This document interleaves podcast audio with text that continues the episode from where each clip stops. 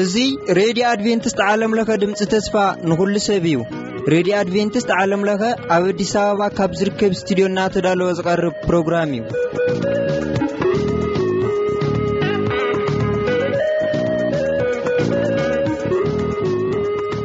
እዚ ትከታተልዎ ዘለኹም ረድዮኹም ረድዮ ኣድቨንቲስት ዓለም ለኸ ድምጺ ተስፋ ንኹሉ ሰብ እዩ። ሕዚ እቲ ናይ ህይወትና ቀንዲ ቁልፊ ዝኾነ ናይ እግዚኣብሔር ቃል ምዃኑ ኩላትኩም ኣይትዘንግዕዎን። እስቲ ብሓባር እነዳምጽ።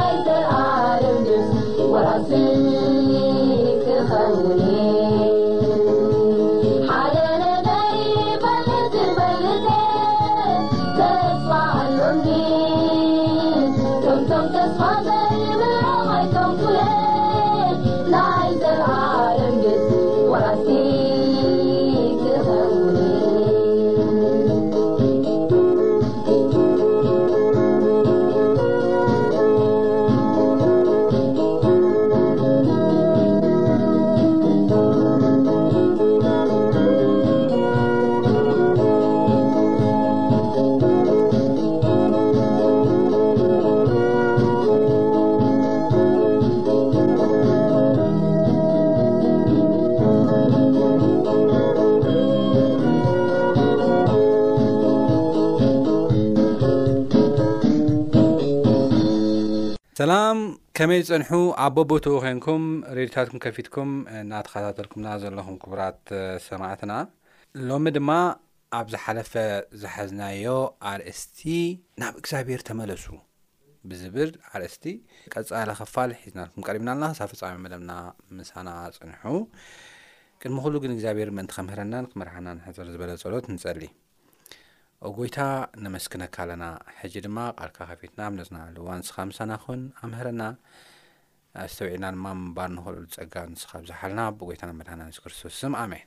ከምዝከር ኣብ ዝሓለፈ ናይ ቃል ግዜና እስራኤላውያን ኣብ ክንዲ መንገዶም ፈትሾም እግዚኣብሄር ዘይከብረሉ ኣስታሮታትን ጣኦታትን ካብ ሃገሮም ኣብ ክንዲ ምውጋድ ንእግዚኣብሄር ጥራሕ ኣብ ክንዲ ምምላኽ ኣብኦም ዘሎ ርክሶታት ኣብ ክንዲ ምውጋድ ስኢልካ ምቑዛም ጥራሕ ምእዋይ ጥራሕ ካብዚ ብተወስሳ ከዓ መፍትሒ እዩ ዝብልዎ ብናይ ሰብ ኣረኣያ ቆኑዕ ዝመስሎም ነገር ብምግባር ጥራሕ ካብቲ ዝነበሮም ጾር ማለት ከተማታቶም ተማሪኸን መናእሰያቶም ተቐቲሎም ታቦታቶም ታቦቶም ተማሪኹ ኣብ ቂራት ዓርም ኮይኑ ንሳቶም እውን ባርያ ኮይኖም ነፃነት ዘይብሎም ጥርሖም ኮይኖም መሳርያ የብሎም ገለ የብሎም ባዶ ኮይኖም ንዕስራ ዓመት ኣሕሊፎሞ እዮም ድሕሪ ዕስራ ዓመት ግን እግዚኣብሄር ብሳሙኤል ገይሩ ንቲ መልእኽቲ ምስ ነገሮም ንሳቶምን ፍቓደኛታት ምስ ኮኑ እግዚኣብሄር ከም ዘድሓኖም ከተማታቶም ከም ዝመለሰ ታቦታቶም ከም ዝመለሰ ህይወቶም ከም ዝሓደሰ እንደገና ከም ዝፈጠሮም ኢና ንርኢ ስለዚ ናብ እግዚኣብሄር ንመለስ ብምሉእ ልብና ንዑ ጥራሕ ንምልኽ ጣዖትን ኣስታሮታትን ጥንቁልናን ካብ ቦታና ካብ ስፍራና ነርሕቕ ዝብል ርኢና ነርና እሞ ሎሚ ከዓ ቐፂልና ንሪኦ ድሕሪ ምዝተሓኑ እግዚኣብሄር ምስ ኣዕረፎም ክብሮም ምስ ኮነ እዞም ሰባት እዚኦም እግዚኣብሄር ጥራሕ ዝብል ኣስሙርለይ ካብ ፍልስጥማውያን ኢድ ዘድሓኖም እግዚኣብሄር ጥራሕ ድሕሪ ዕስራ ዓመት ኣሞራውያን ኣይሓገዘዎምን ኣብ ጎረቤታቶም ዝነበሩ ህዝቢ ኣየድሓንዎምን ኣይበፅሑሎምን እግዚኣብሄር ጥራሕ ዘድሓኖም ጎይታ እናሃለወ ክነሱ ንሶም ግን ኣብ ክንዲ ምምስጋን፣ ብዝበለጸ ንእግዚኣብሄር ኣብ እግዚኣብሄር እምነቶም ኣብ ክንዲ ምግባር፣ ኣብ ክንዲ ምዕራፍ፣ ከም ፍቓዱ ኣብ ክንዲ ምምልላስ፣ እግዚኣብሄር ዝሕጎሰሉን ዝኸብረሉን ነገር ኣብ ክንዲ ምግባር፣ ከምዚ ኢሎም ንሳሙኤል ከም ተዛረብዎ ኢና ንርኢ። ልቢ በሉ፣ ናይ እስራኤል ምሕዳር ቲዮክራሲ እዩ ነይሩ። እግዚኣብሄር ከም ንጉሶም ገይሮም ዝምርሑ ሰባት እዮም ነይሮም ክሳብ እዚ ግዜ እዚ። እግዚኣብሄር እዩ ንጉሶም እግዚኣብሄር እዩ ዝመርሖም እግዚኣብሄር እዩ ዘድሕኖም እግዚኣብሄር እዩ ዝምግቦም ኩሉ ነገር ንጉስ ኣይነበሮምን ንጉሳዊ ኣጋዛእዛ ኣይነበረን ሓር ነቶም ጎረቤታቶም ሪኦም እንታይ በልዎ ሽዑ ብዘለዎ ዓበይቲ እስራኤል ተኣኪቦም ናብ ሳሙኤል ናብ ራማ መፁ ይብለና እንኦ ንስኻ ኣሪካ ደቅኻ ከዓ ብመንገድኻ ኣይከዱን እምበኣርሲ ሕጂ ከም ኩሎም ህዝብታት ዝፈርደልና ንጉስ ኣንግሰልና ድማ በልዎ ዝፈርደልና ንጉስ ምስ በሉ ግና እዚ ነገር እዚ ንሳሙኤል ኣጕሃዮ ይብለና። እስቲል እቲ እምነቶም ኣብ ሰብ እዩ ነይሩ፣ ኣብ ሳሙኤል እዩ ነይሩ። ምስ ደሓኑ እግዚኣብሄር ዓቢ ነገር ምስ ገበረሎም፣ ምስ ኣዕረፎም፣ ምስ ኣኽበሮም፣ እግዚኣብሄር ንሳሙኤል እንታይ በልዎ? ንጉስ ኣንግሰልና። ሳሙኤል ኣዝዩ ጓሃየ፣ ኣዝዩ ጓሃየ። ምኽንያቱ እግዚኣብሄር ንጉስኩም ኮይኑ ዝጎደለኩም ነገር እንታይ እዩ? እግዚኣብሄር ንጉስኩም ኮይኑ ዝሰኣንኩምዎ ነገር እንታይ እዩ? ካብ ባርነት ናብ ነጻነት፣ ካብ ቁስሊ ናብ ሕዌት፣ ካብ ስእነት ናብ በረኸት ዘምጽእ ጎይታ እንታይ ኣጉዲሉልኩም ሕጂ ንጉስ ኣንግሰልና ትብሉ ኢሉ ንሳሙኤል እቲ ነገር ኣዝዩ ኣጉሃዮ ይብለና። ኢንፋክት እዚ ቃል እዚ ደጋጊሙ እዩ ሳሙኤል ዝዛረቦ። ከም ዘዋህብ ብደንቢ እዩ ዝዛረብ ሓን ኣብ እግዚኣብሄር ጸለየ ይብለና ሳሙኤል እግዚኣብሄር እውን ኣዝዩ ከም ዘጓሃ ኢና ንርኢ እግዚኣብሄር ድማ ንሳሙኤል በሎ ኣነ ከይነግሶም ኣነ ከይነግሶም ንኣይ እዮም ዝነዓቑ እምበር ንኣኻ ኣይኮኑን ዝነዓቑ እሞ እዞም ህዝቢ ዝበሉኻ ኩሉ ቃሎም ስማዕ ኢሉ ንጉስ ከንግሰሎም ከም ዝነበረ ኢና ንእስራኤላውያን ከምቲ ካብታ ግብጺ ዘውጻእኩዎም መዓልቲ ጀሚሮም ክሳዕ እዛ መዓልቲ እዚኣ ዝገብርዎ ግብሪ ንኣይ ሓዲጎም ንካልኦት ኣማልኽቲ ኣምለኹ፣ ንኣኻ ድማ ከምኡ ይገብሩ ኣለዉ። ሕጂ ኸኣ ቓሎም ስማዕ። ግናኸ ኢሉ ይዛረብ።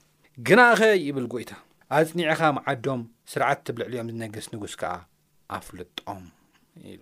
ንጉስ ከንግሰልኩም ኢኹም ደሊኹም? እወ ከንግሰልኩም እየ። ግን ስርዓት እዚ ፍለጥዎ ኢሉ ከም ነገሮም ኢና ንርኢ ሳሙኤል ድማ ነቶም ኣብኡ ንጉስ ዝለመኑ ህዝቢ እቲ እግዚኣብሔር ተዛረቦ ዘበለ ነገሮም ንሱ በሎም ስርዓት ትብልዕልኹም ዘሎ ዝነግስ ንጉስ እዚ እዩ ነቶም ኣወዳትኩም ወሲዱ ኣብ ሰረገላታቱን ፈረሰኛታቱን ይገብሮም ቀቅድሚ ሰረገሉ ድማ ክጎዩ እዮም። ሓላቒ ሽሕን ሓላቒ ሓምሳን ማሓረሱ ዝሓርሱን ዓጺድ ዝዓጽዱን ኣጽዋር ውግኡን ኣቕሓ ሰረገሉኡን ድማ ስርሑ ክገብሮም እዩ። ነተን ኣዋልድኩም ከኣ ሽቶ ኼቃምማን ጸብሒ ኸሰርሓን ክስንክታን ክወስደን እዩ። እቲ ዘዝበለጸ ገርሁኹምን ኣትክልቲ ወይንኹምን ኣትክልቲ ዘይትኹምን ውስ ድማ ንገላውኡ ክህብዎም እዩ።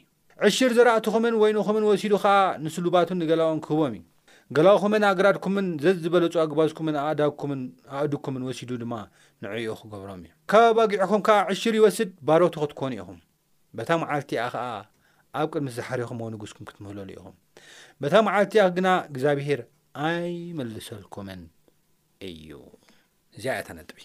እቲ ብ ልዕሊኹም ዝነግስ ንጉስ ኣጉባዝኩም ክወስድ እዩ ምሩጽ ዘበለ ነገር ናትኩም ምሩጽ ትብልዎ ነገር ብምሉኡ ክወስድ እዩ ባሮቱ ክትኮኑ ኢኹም እምብተይልካ ብኣ ናተቐጻዕኻ ባርያ ክገብረካ እዩ ካብ ዝገርም ነገር ግን ኣብ ቁጽሪ ዓሰርተ ሸውዓተ ዘሎ ኣብ ቁጽሪ ዓሰርተ ሸሞንተ ዘሎ ሓሳብ በታ መዓልቲ ኣብ ቅድሚ ዝሓሬኹምዎ ንጉስኩም ክትምህለሉ ኢኹም በታ መዓልቲ እያ ግና እግዚኣብሄር ኣይምለሰልኩምን ኣድሕነና ተበልኩም እኳ ኦረዲ ናትኩም ምርጫ ስለ ዝኾነ ኢሉ እግዚኣብሄር ከም ተዛረበ ኢና ንርኢ እቶም ህዝቢ ግና ንቓል ሳሙኤል ምስማዕ ኣበዩ እዚ ኹሉ እኳ እናተዛረቦም እዚ ኹሉ እኳ ስርዓት ትንጉስ እናነገሮም ኣግባዝኩም ክወስድ እዩ ኣግራድኩም ገላውኹም ክወስድ እዩ ክትሽገሩ ኢኹም ከሳቂኩም እዩ ባሮት ክገብረኩም እዩ እኳ እናበሎም ትጽብቑ ጽብቑ ንብረትኩም ዘይትኹም ኣባጊዕኹም ማልኩም ብምሉእ ክወስድ እዩ እናተባህሉ ኣይ ኣይ ኣይ ኣይ ኣንግሰልና ደኣ ኣንግሰልና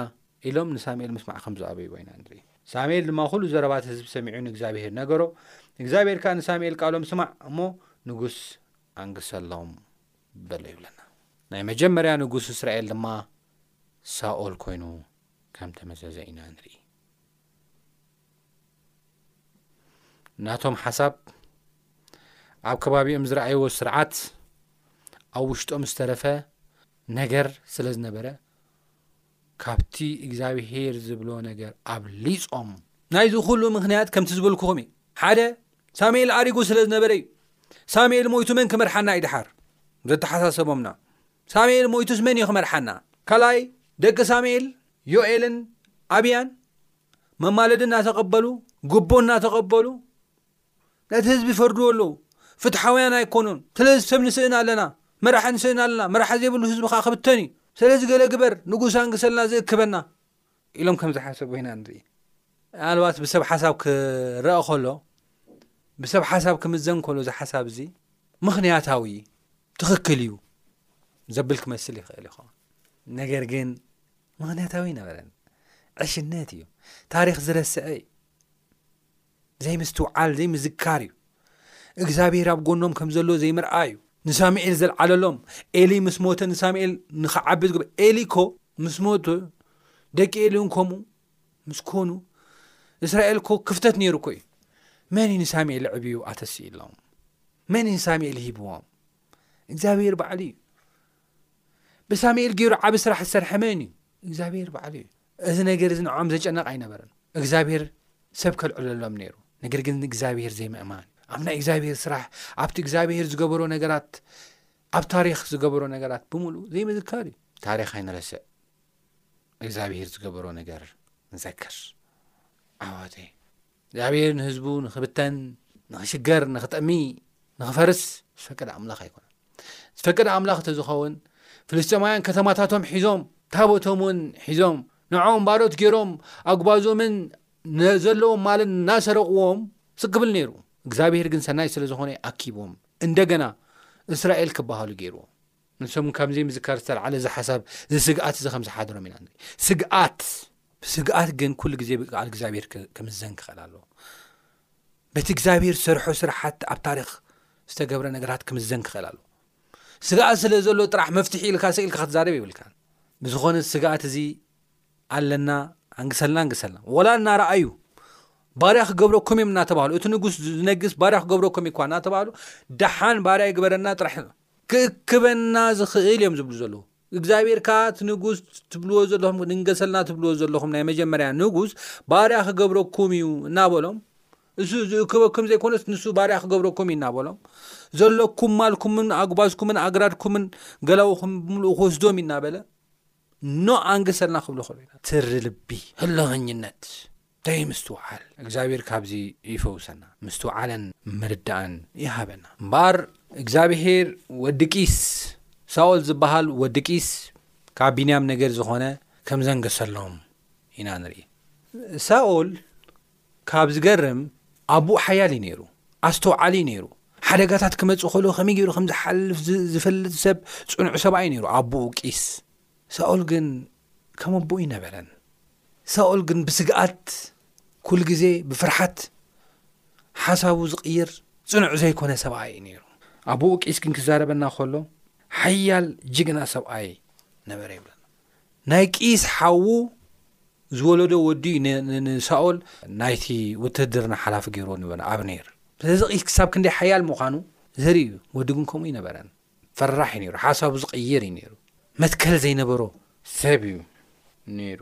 ብርግጽ እዩ ሳኦል ካብ ዝወለዶም እቲ በዅሪ ወዱ ዮናታን ካብቶም ሓሙሽተ ቆልዑት እቲ በዅሪ ወዱ ዮናታን ጽኑዕ ሓያል ሰብ ከም ነበረ መጽሓፍ ቅዱስ ይዛረበና እዩ። ብርግጽ ትርኢቱ ሳኦል ነዊሕ መልክዐኛ ሰብ እዩ ነይሩ፣ ግን ጽኑዕ ሰብ ኣይነበረን። ሳሙኤል ድማ ብዘሎ እስራኤል በሎም፣ እነሆ ዅሉ እቲ ዝበልኩምኒ ቃልኩም ሰሚዐ ኣብ ልዕሌኹም ንጉስ ኣንገስኩ። ሕጂ ኸኣ እቲ ቀቅድሜኹም ዝኸይድ ንጉስ እንሆ፣ ኣን ድማ ኣሪገ ሸየብኩ። ደቀይ ከኣ እነሆ ምሳኻትኩም ኣለዉ። ኣነ ድማ ካብ ንእስነተይ ጀሚረ ኽሳዕ እዛ መዓልቲ እዚኣ ኣብ ቅድሜኹም እኸይድ ነበርኩ። ኢሉ ንሱ ከም ዘይበደለ፣ ሓጢኣት ከም ዘይገበረ፣ ይዛረብ እሞ፣ ንሳቶም። ድማ ኣይበደልካናን ይብሉ። ሳሙኤል እንታይ ኢልዎም፣ ናሕሽ ንጉስ ደቂ ዓሞን ከም ዝመጻእኩም ምስ ረኤኹም ከኣ እግዚኣብሔር ኣምላኽኩም ንጉስኩም ክነሱስ ይብለና እግዚኣብሔር ኣምላኽኩም ንጉስኩም ክነሱስ ኣይፋል ንጉስ ደኣ ኣብ ልዕሌና ይንገስ በልኩምኒ ናሕሽ ንጉስ ደቂ ዓሞን ከም ዝመጻእኩም ምስ ረኣኹም ሕጂ ከኣ እንሆ እቲ ዝለመንኩሞ ዛሕረኽሞ ንጉስ እግዚኣብሄር ድማ ኣብ ልዕሌኹም ንጉስ ሂብኩም እነሆ ንእግዚኣብሄር እተ እትፈርህዎን እንተ ተገልግልዎን ቃሉ እንተ ትሰምዑ ንትእዛዝ እግዚኣብሄር ከኣ እንተ ዘይኣብኹም ንስኻትኩም እቲ ኣብ ልዕሌኹም ዝነግስ ንጉስ እግዚኣብሄር ኣምላኽኩም እንተ ስዒብኩም ድማ ደሓን ግናኸ ንቓል እግዚኣብሄር እንተ ዘይሰማዕኹም ንትእዛዝ እግዚኣብሄር እንተ እንተ ኣብኹምዎ ሽዑ ኢድ እግዚኣብሄር ከምቲ ነቦታትኩም እተጻረር ንኣኻትኩም እውን ክትጻረር እያ ኢሉ ናይ መወዳእታ መልእኽቱ ከመሓላልፍ ኮለና ንርኢ ሕጂ ኸኣ ደው ኢልኩም ነቲ እግዚኣብሄር ኣብ ቅድሚ ዓይንኹም ዘገበሮ ዓብዪ ነገር ርኣዩ። ሎምስ ገና ዓጺድ ስርናይ ዶ ኣይኰነን? እቲ ንጉስ ብምልማንኩም ኣብ ቅድሚ እግዚኣብሄር ዝገበርኩምዎ ክፍኣት ዓብዪ ኸም ዝዀነ ምእንቲ ኽትፈልጡን ክትርእዩንሲ ንእግዚኣብሄር ክልምኖ እየ፣ ንሱ ኸኣ ነጕድን ዝናምን ክሰድድ እዩ። ሽዑ ንሳሙኤል ንእግዚኣብሄር ለመኖ፣ እግዚኣብሄር ድማ በታ መዓልቲኣ ነጕድን ዘናምን ሰደደ። ኵሉ እቲ ህዝቢ ኸኣ ንእግዚኣብሄርን ንሳሙኤልን ኣዝዮም ፈርሁ። ብዘለዉ እቶም ህዝቢ ኸኣ ንሳሙኤል ኣብ ልዕሊ ዅሉ ሓጢኣትናስ ንጉስ ብምልማንና እዚ ኽፉእ እዩ፣ እዚ ድማ ወሲኽና ኢና እሞ፣ ምእንቲ ኸይንሞትሲ፣ ስለ ገላውኻ ንእግዚኣብሄር ኣምላኽካ ለምነልና፣ በልዎ። ንጉስ ኣንግሰልና ኢሎም እናተመኸሩ ኣብዮም ንጉስ ኣንግሽሎም። ደሓር ብደንቢ ምስ መኸሮምን ምልክት ድማ ክርእየኩም እየ ምስ በሎም እቲ ምልክት ድማ ምስ ረኣዩን ሓጢኣት ሰሪሕና ኢና፣ በዲልና ኢና፣ ጸልየልና ክብልዎ ከሎ ኢና ንርኢ። ብምንታይ ኢና ንኣምን? እስራኤላውያን ብምንታይ እዮም ዝኣምኑ ነይሮም? በቃ ነጎድጓድን ዝናብን ስለ ዝመጸ ዝበሎ ቃል ስለ ዝተፈጸመ ምናልባት ኣብቲ ሽዑ ግዜ እቲ ስለ ዝፈርሑ እዮም ልቦም ዝኣምን ነይሩ እንደገና ድማ ንስሓ ዝኣቱ ነይሮም ግን ክኸውን የብሉን እቲ ክኸውን ዘለዎ ናይ እግዚኣብሔር ቃል ብደንቢ ሰሚዖም ኣስተውዒሎም ብርድት ብፍቓድ እዮም ክኸውን ዘለዎ እምበር ፈሪሖም ተንቀጥቂጦም ወይ ድማ ክድሕኑ ስለ ዝደለዩ ንእግዚኣብሄር ምእማን ንስሃ ምእታው እዚ ኣብ ቅድሚ እግዚኣብሄር ዋጋ የብሉን ካብ እስራኤላውያን ነገር ንመሃሮ ነገር እዚ ቅፅዓት ፈሪሕኻ ሞት ፈሪሕኻ እትምለሶ እትገብሮ ንስሓ ወይ ድማ ምድሓን ደሊኻ ፈውሲ ደሊኻ እትንስሖ ንስሓ ኣብ ቅድሚ እግዚኣብሄር ዋጋ የብሉን እዚ ኩሉ ተመኺሮም እምቢ ኢሎም እናሃለዉ ንጉድጓንን ዝናብ ምስ መፀ ምስ ሰምዑ እቲ ሳሙኤል ዝበሎ ነገር ምስ ሰምዑ ግን ዳሓርታይ ኢሎም ጸልየልና ከይንመወት ከይንጠፍእ ንምንታይ ንጉስ ምልማና ሓጢኣት ሰሪሕና ኢና ክፍኣት በዲልና ኢና ኢሎም ክዛረቡ ከሎ ሳሙኤል ከዓ ነቶም ህዝቢ በሎም ኣይትፍርሁ ኣይትፍርሁ ምግባር እዚ ኩሉ ክፉእ እዚ ንስኻትኩም ጌርኩምዎ ኢኹም ግና ከእግዚኣብሔር ኣብ ምስዓብ ኣይትዘንብሉ ብምሉእ ልብኹም ደኣ ንእግዚኣብሔር ኣገልግልዎ ብምሉእ ልብኹም ንእግዚኣብሔር ኣገልግሉ። ሕጂ እውን እቲ ኮር ኢሹ እቲ ጉዳይ ናብ እግዚኣብሔር ኣብ ምምላሱን ንዕኡ ጥራሕ ኣብ ምምላኽን ንዕኡ ጥራሕ ኣብ ምግልጋልን ብመንገዱ ጥራሕ ኣብ ምምላስን እዩ ዘሎ እቲ ምስጢር እታ ምስጢር እንስሳ እያ ነቶም ዘይጠቕሙን ዘየድሕኑን ከንቱ ስለ ዝኾኑ ምስዓቦም ከንቱ እዩ እሞ ኣይተግልሱ ንጣኦታት ኣስታሮታት ከንቱ እዮም ከድሕኑ ኣይክእሉን እዮም ነቶም ኣብ ጎሪታትኩም ዘለዉ ሓወይ ሓፍተይ ዝብልኹም ኣይትስምዕዎም እግዚኣብሄር ጥራሕ እዩ ዘድሕን እግዚኣብሄር ህዝቢ ክገብረኩም ፈትዩ እሞ ስለዚ እግዚኣብሄር ምእንቲ እቲ ዓብዪ ስሙ ኢሉ ንህዝቡ ኣይሓድጎን እዩ ስለዚ ኣይሓድጎ እስኹም እውን ኣይትሕደግዎ ኣነሳ ፅብቕትን ቅንዕትን መንገዲ ባዳኣ ከምህረኩም እየ ደልየ ኢሉ ነታ ቅንዕትን ትኽክልን መንገዲ ከምዘም ከም ዘምሃሮም ኢና ንርኢ ንሳቶም ከኣ ከም ሰምዖ ኢና ንርኢ ድሓሪ ሳሙኤል ስለ ዝፈልጦም እንታይ ኢልዎም ቀጺልኩም ክፉእ እንተገበርኩም ግና ንስኻትኩም ንጉስ ክቱም ክጠፍኡ ኢኹም እምበር ምሕረሲ የለን ኢሉ ከም ተዛረቦም ኢና ንርኢ ሕጂ እውን ኣሕዋተይ እቲ ምስጢር ንእግዚኣብሄር ኣብ ምፍራሕ እግዝኣብሄር ዝጸልኦ ነገራት ኣብ ምውጋድ ርኹስ ዝኾነ ነገራት ካብ ማእኸልና ናይ ምርሓቕ ንዕኡ ኣብ ምግዛእ እዩ ዘሎ እግዚኣብሔር ናይ ምሕረት ኣምላኽ እዩ ምንም እኳ ሓጢኣት ሰሪሕና ካብኡ እንተረሓቕና በደልን ዓመፅን ሰሪሕና ካብኡ እኳ እንተረሓቕና እግዚኣብሔር ግን ቀረባ እዩ ሕጂ እንተ ደኣ ተመሊስና ንሱ ንዓና ናባና ክምለስ ህይወትና ክሕድስ ብምሕረቱ ከዓ ክባርኸና እንደገና ህዝቡ ክገብረና ድላዩን ፍቓዱን እዩ ናይ እግዚኣብሔር ነገር ግን ንሕና ናብኡ ንመለስ እግዚኣብሔር ቀረባ እዩ ንሕና እውን ንቕረቦ ከም መንገዱ ንማላለት ምስኡ ነተሓሓዝ ቃሉ ነንብብ ቃሉ ንፍለጥ ከም ቃሉ ድማ ንንበር እዚ ክንገብር እግዚኣብሔር ፀጉ የብዝሓና ኣብ ዝቕፅል ብካልእ ክሳብ ንራኸብ ሰላም ኩኑ ጎይታ ይባረኩም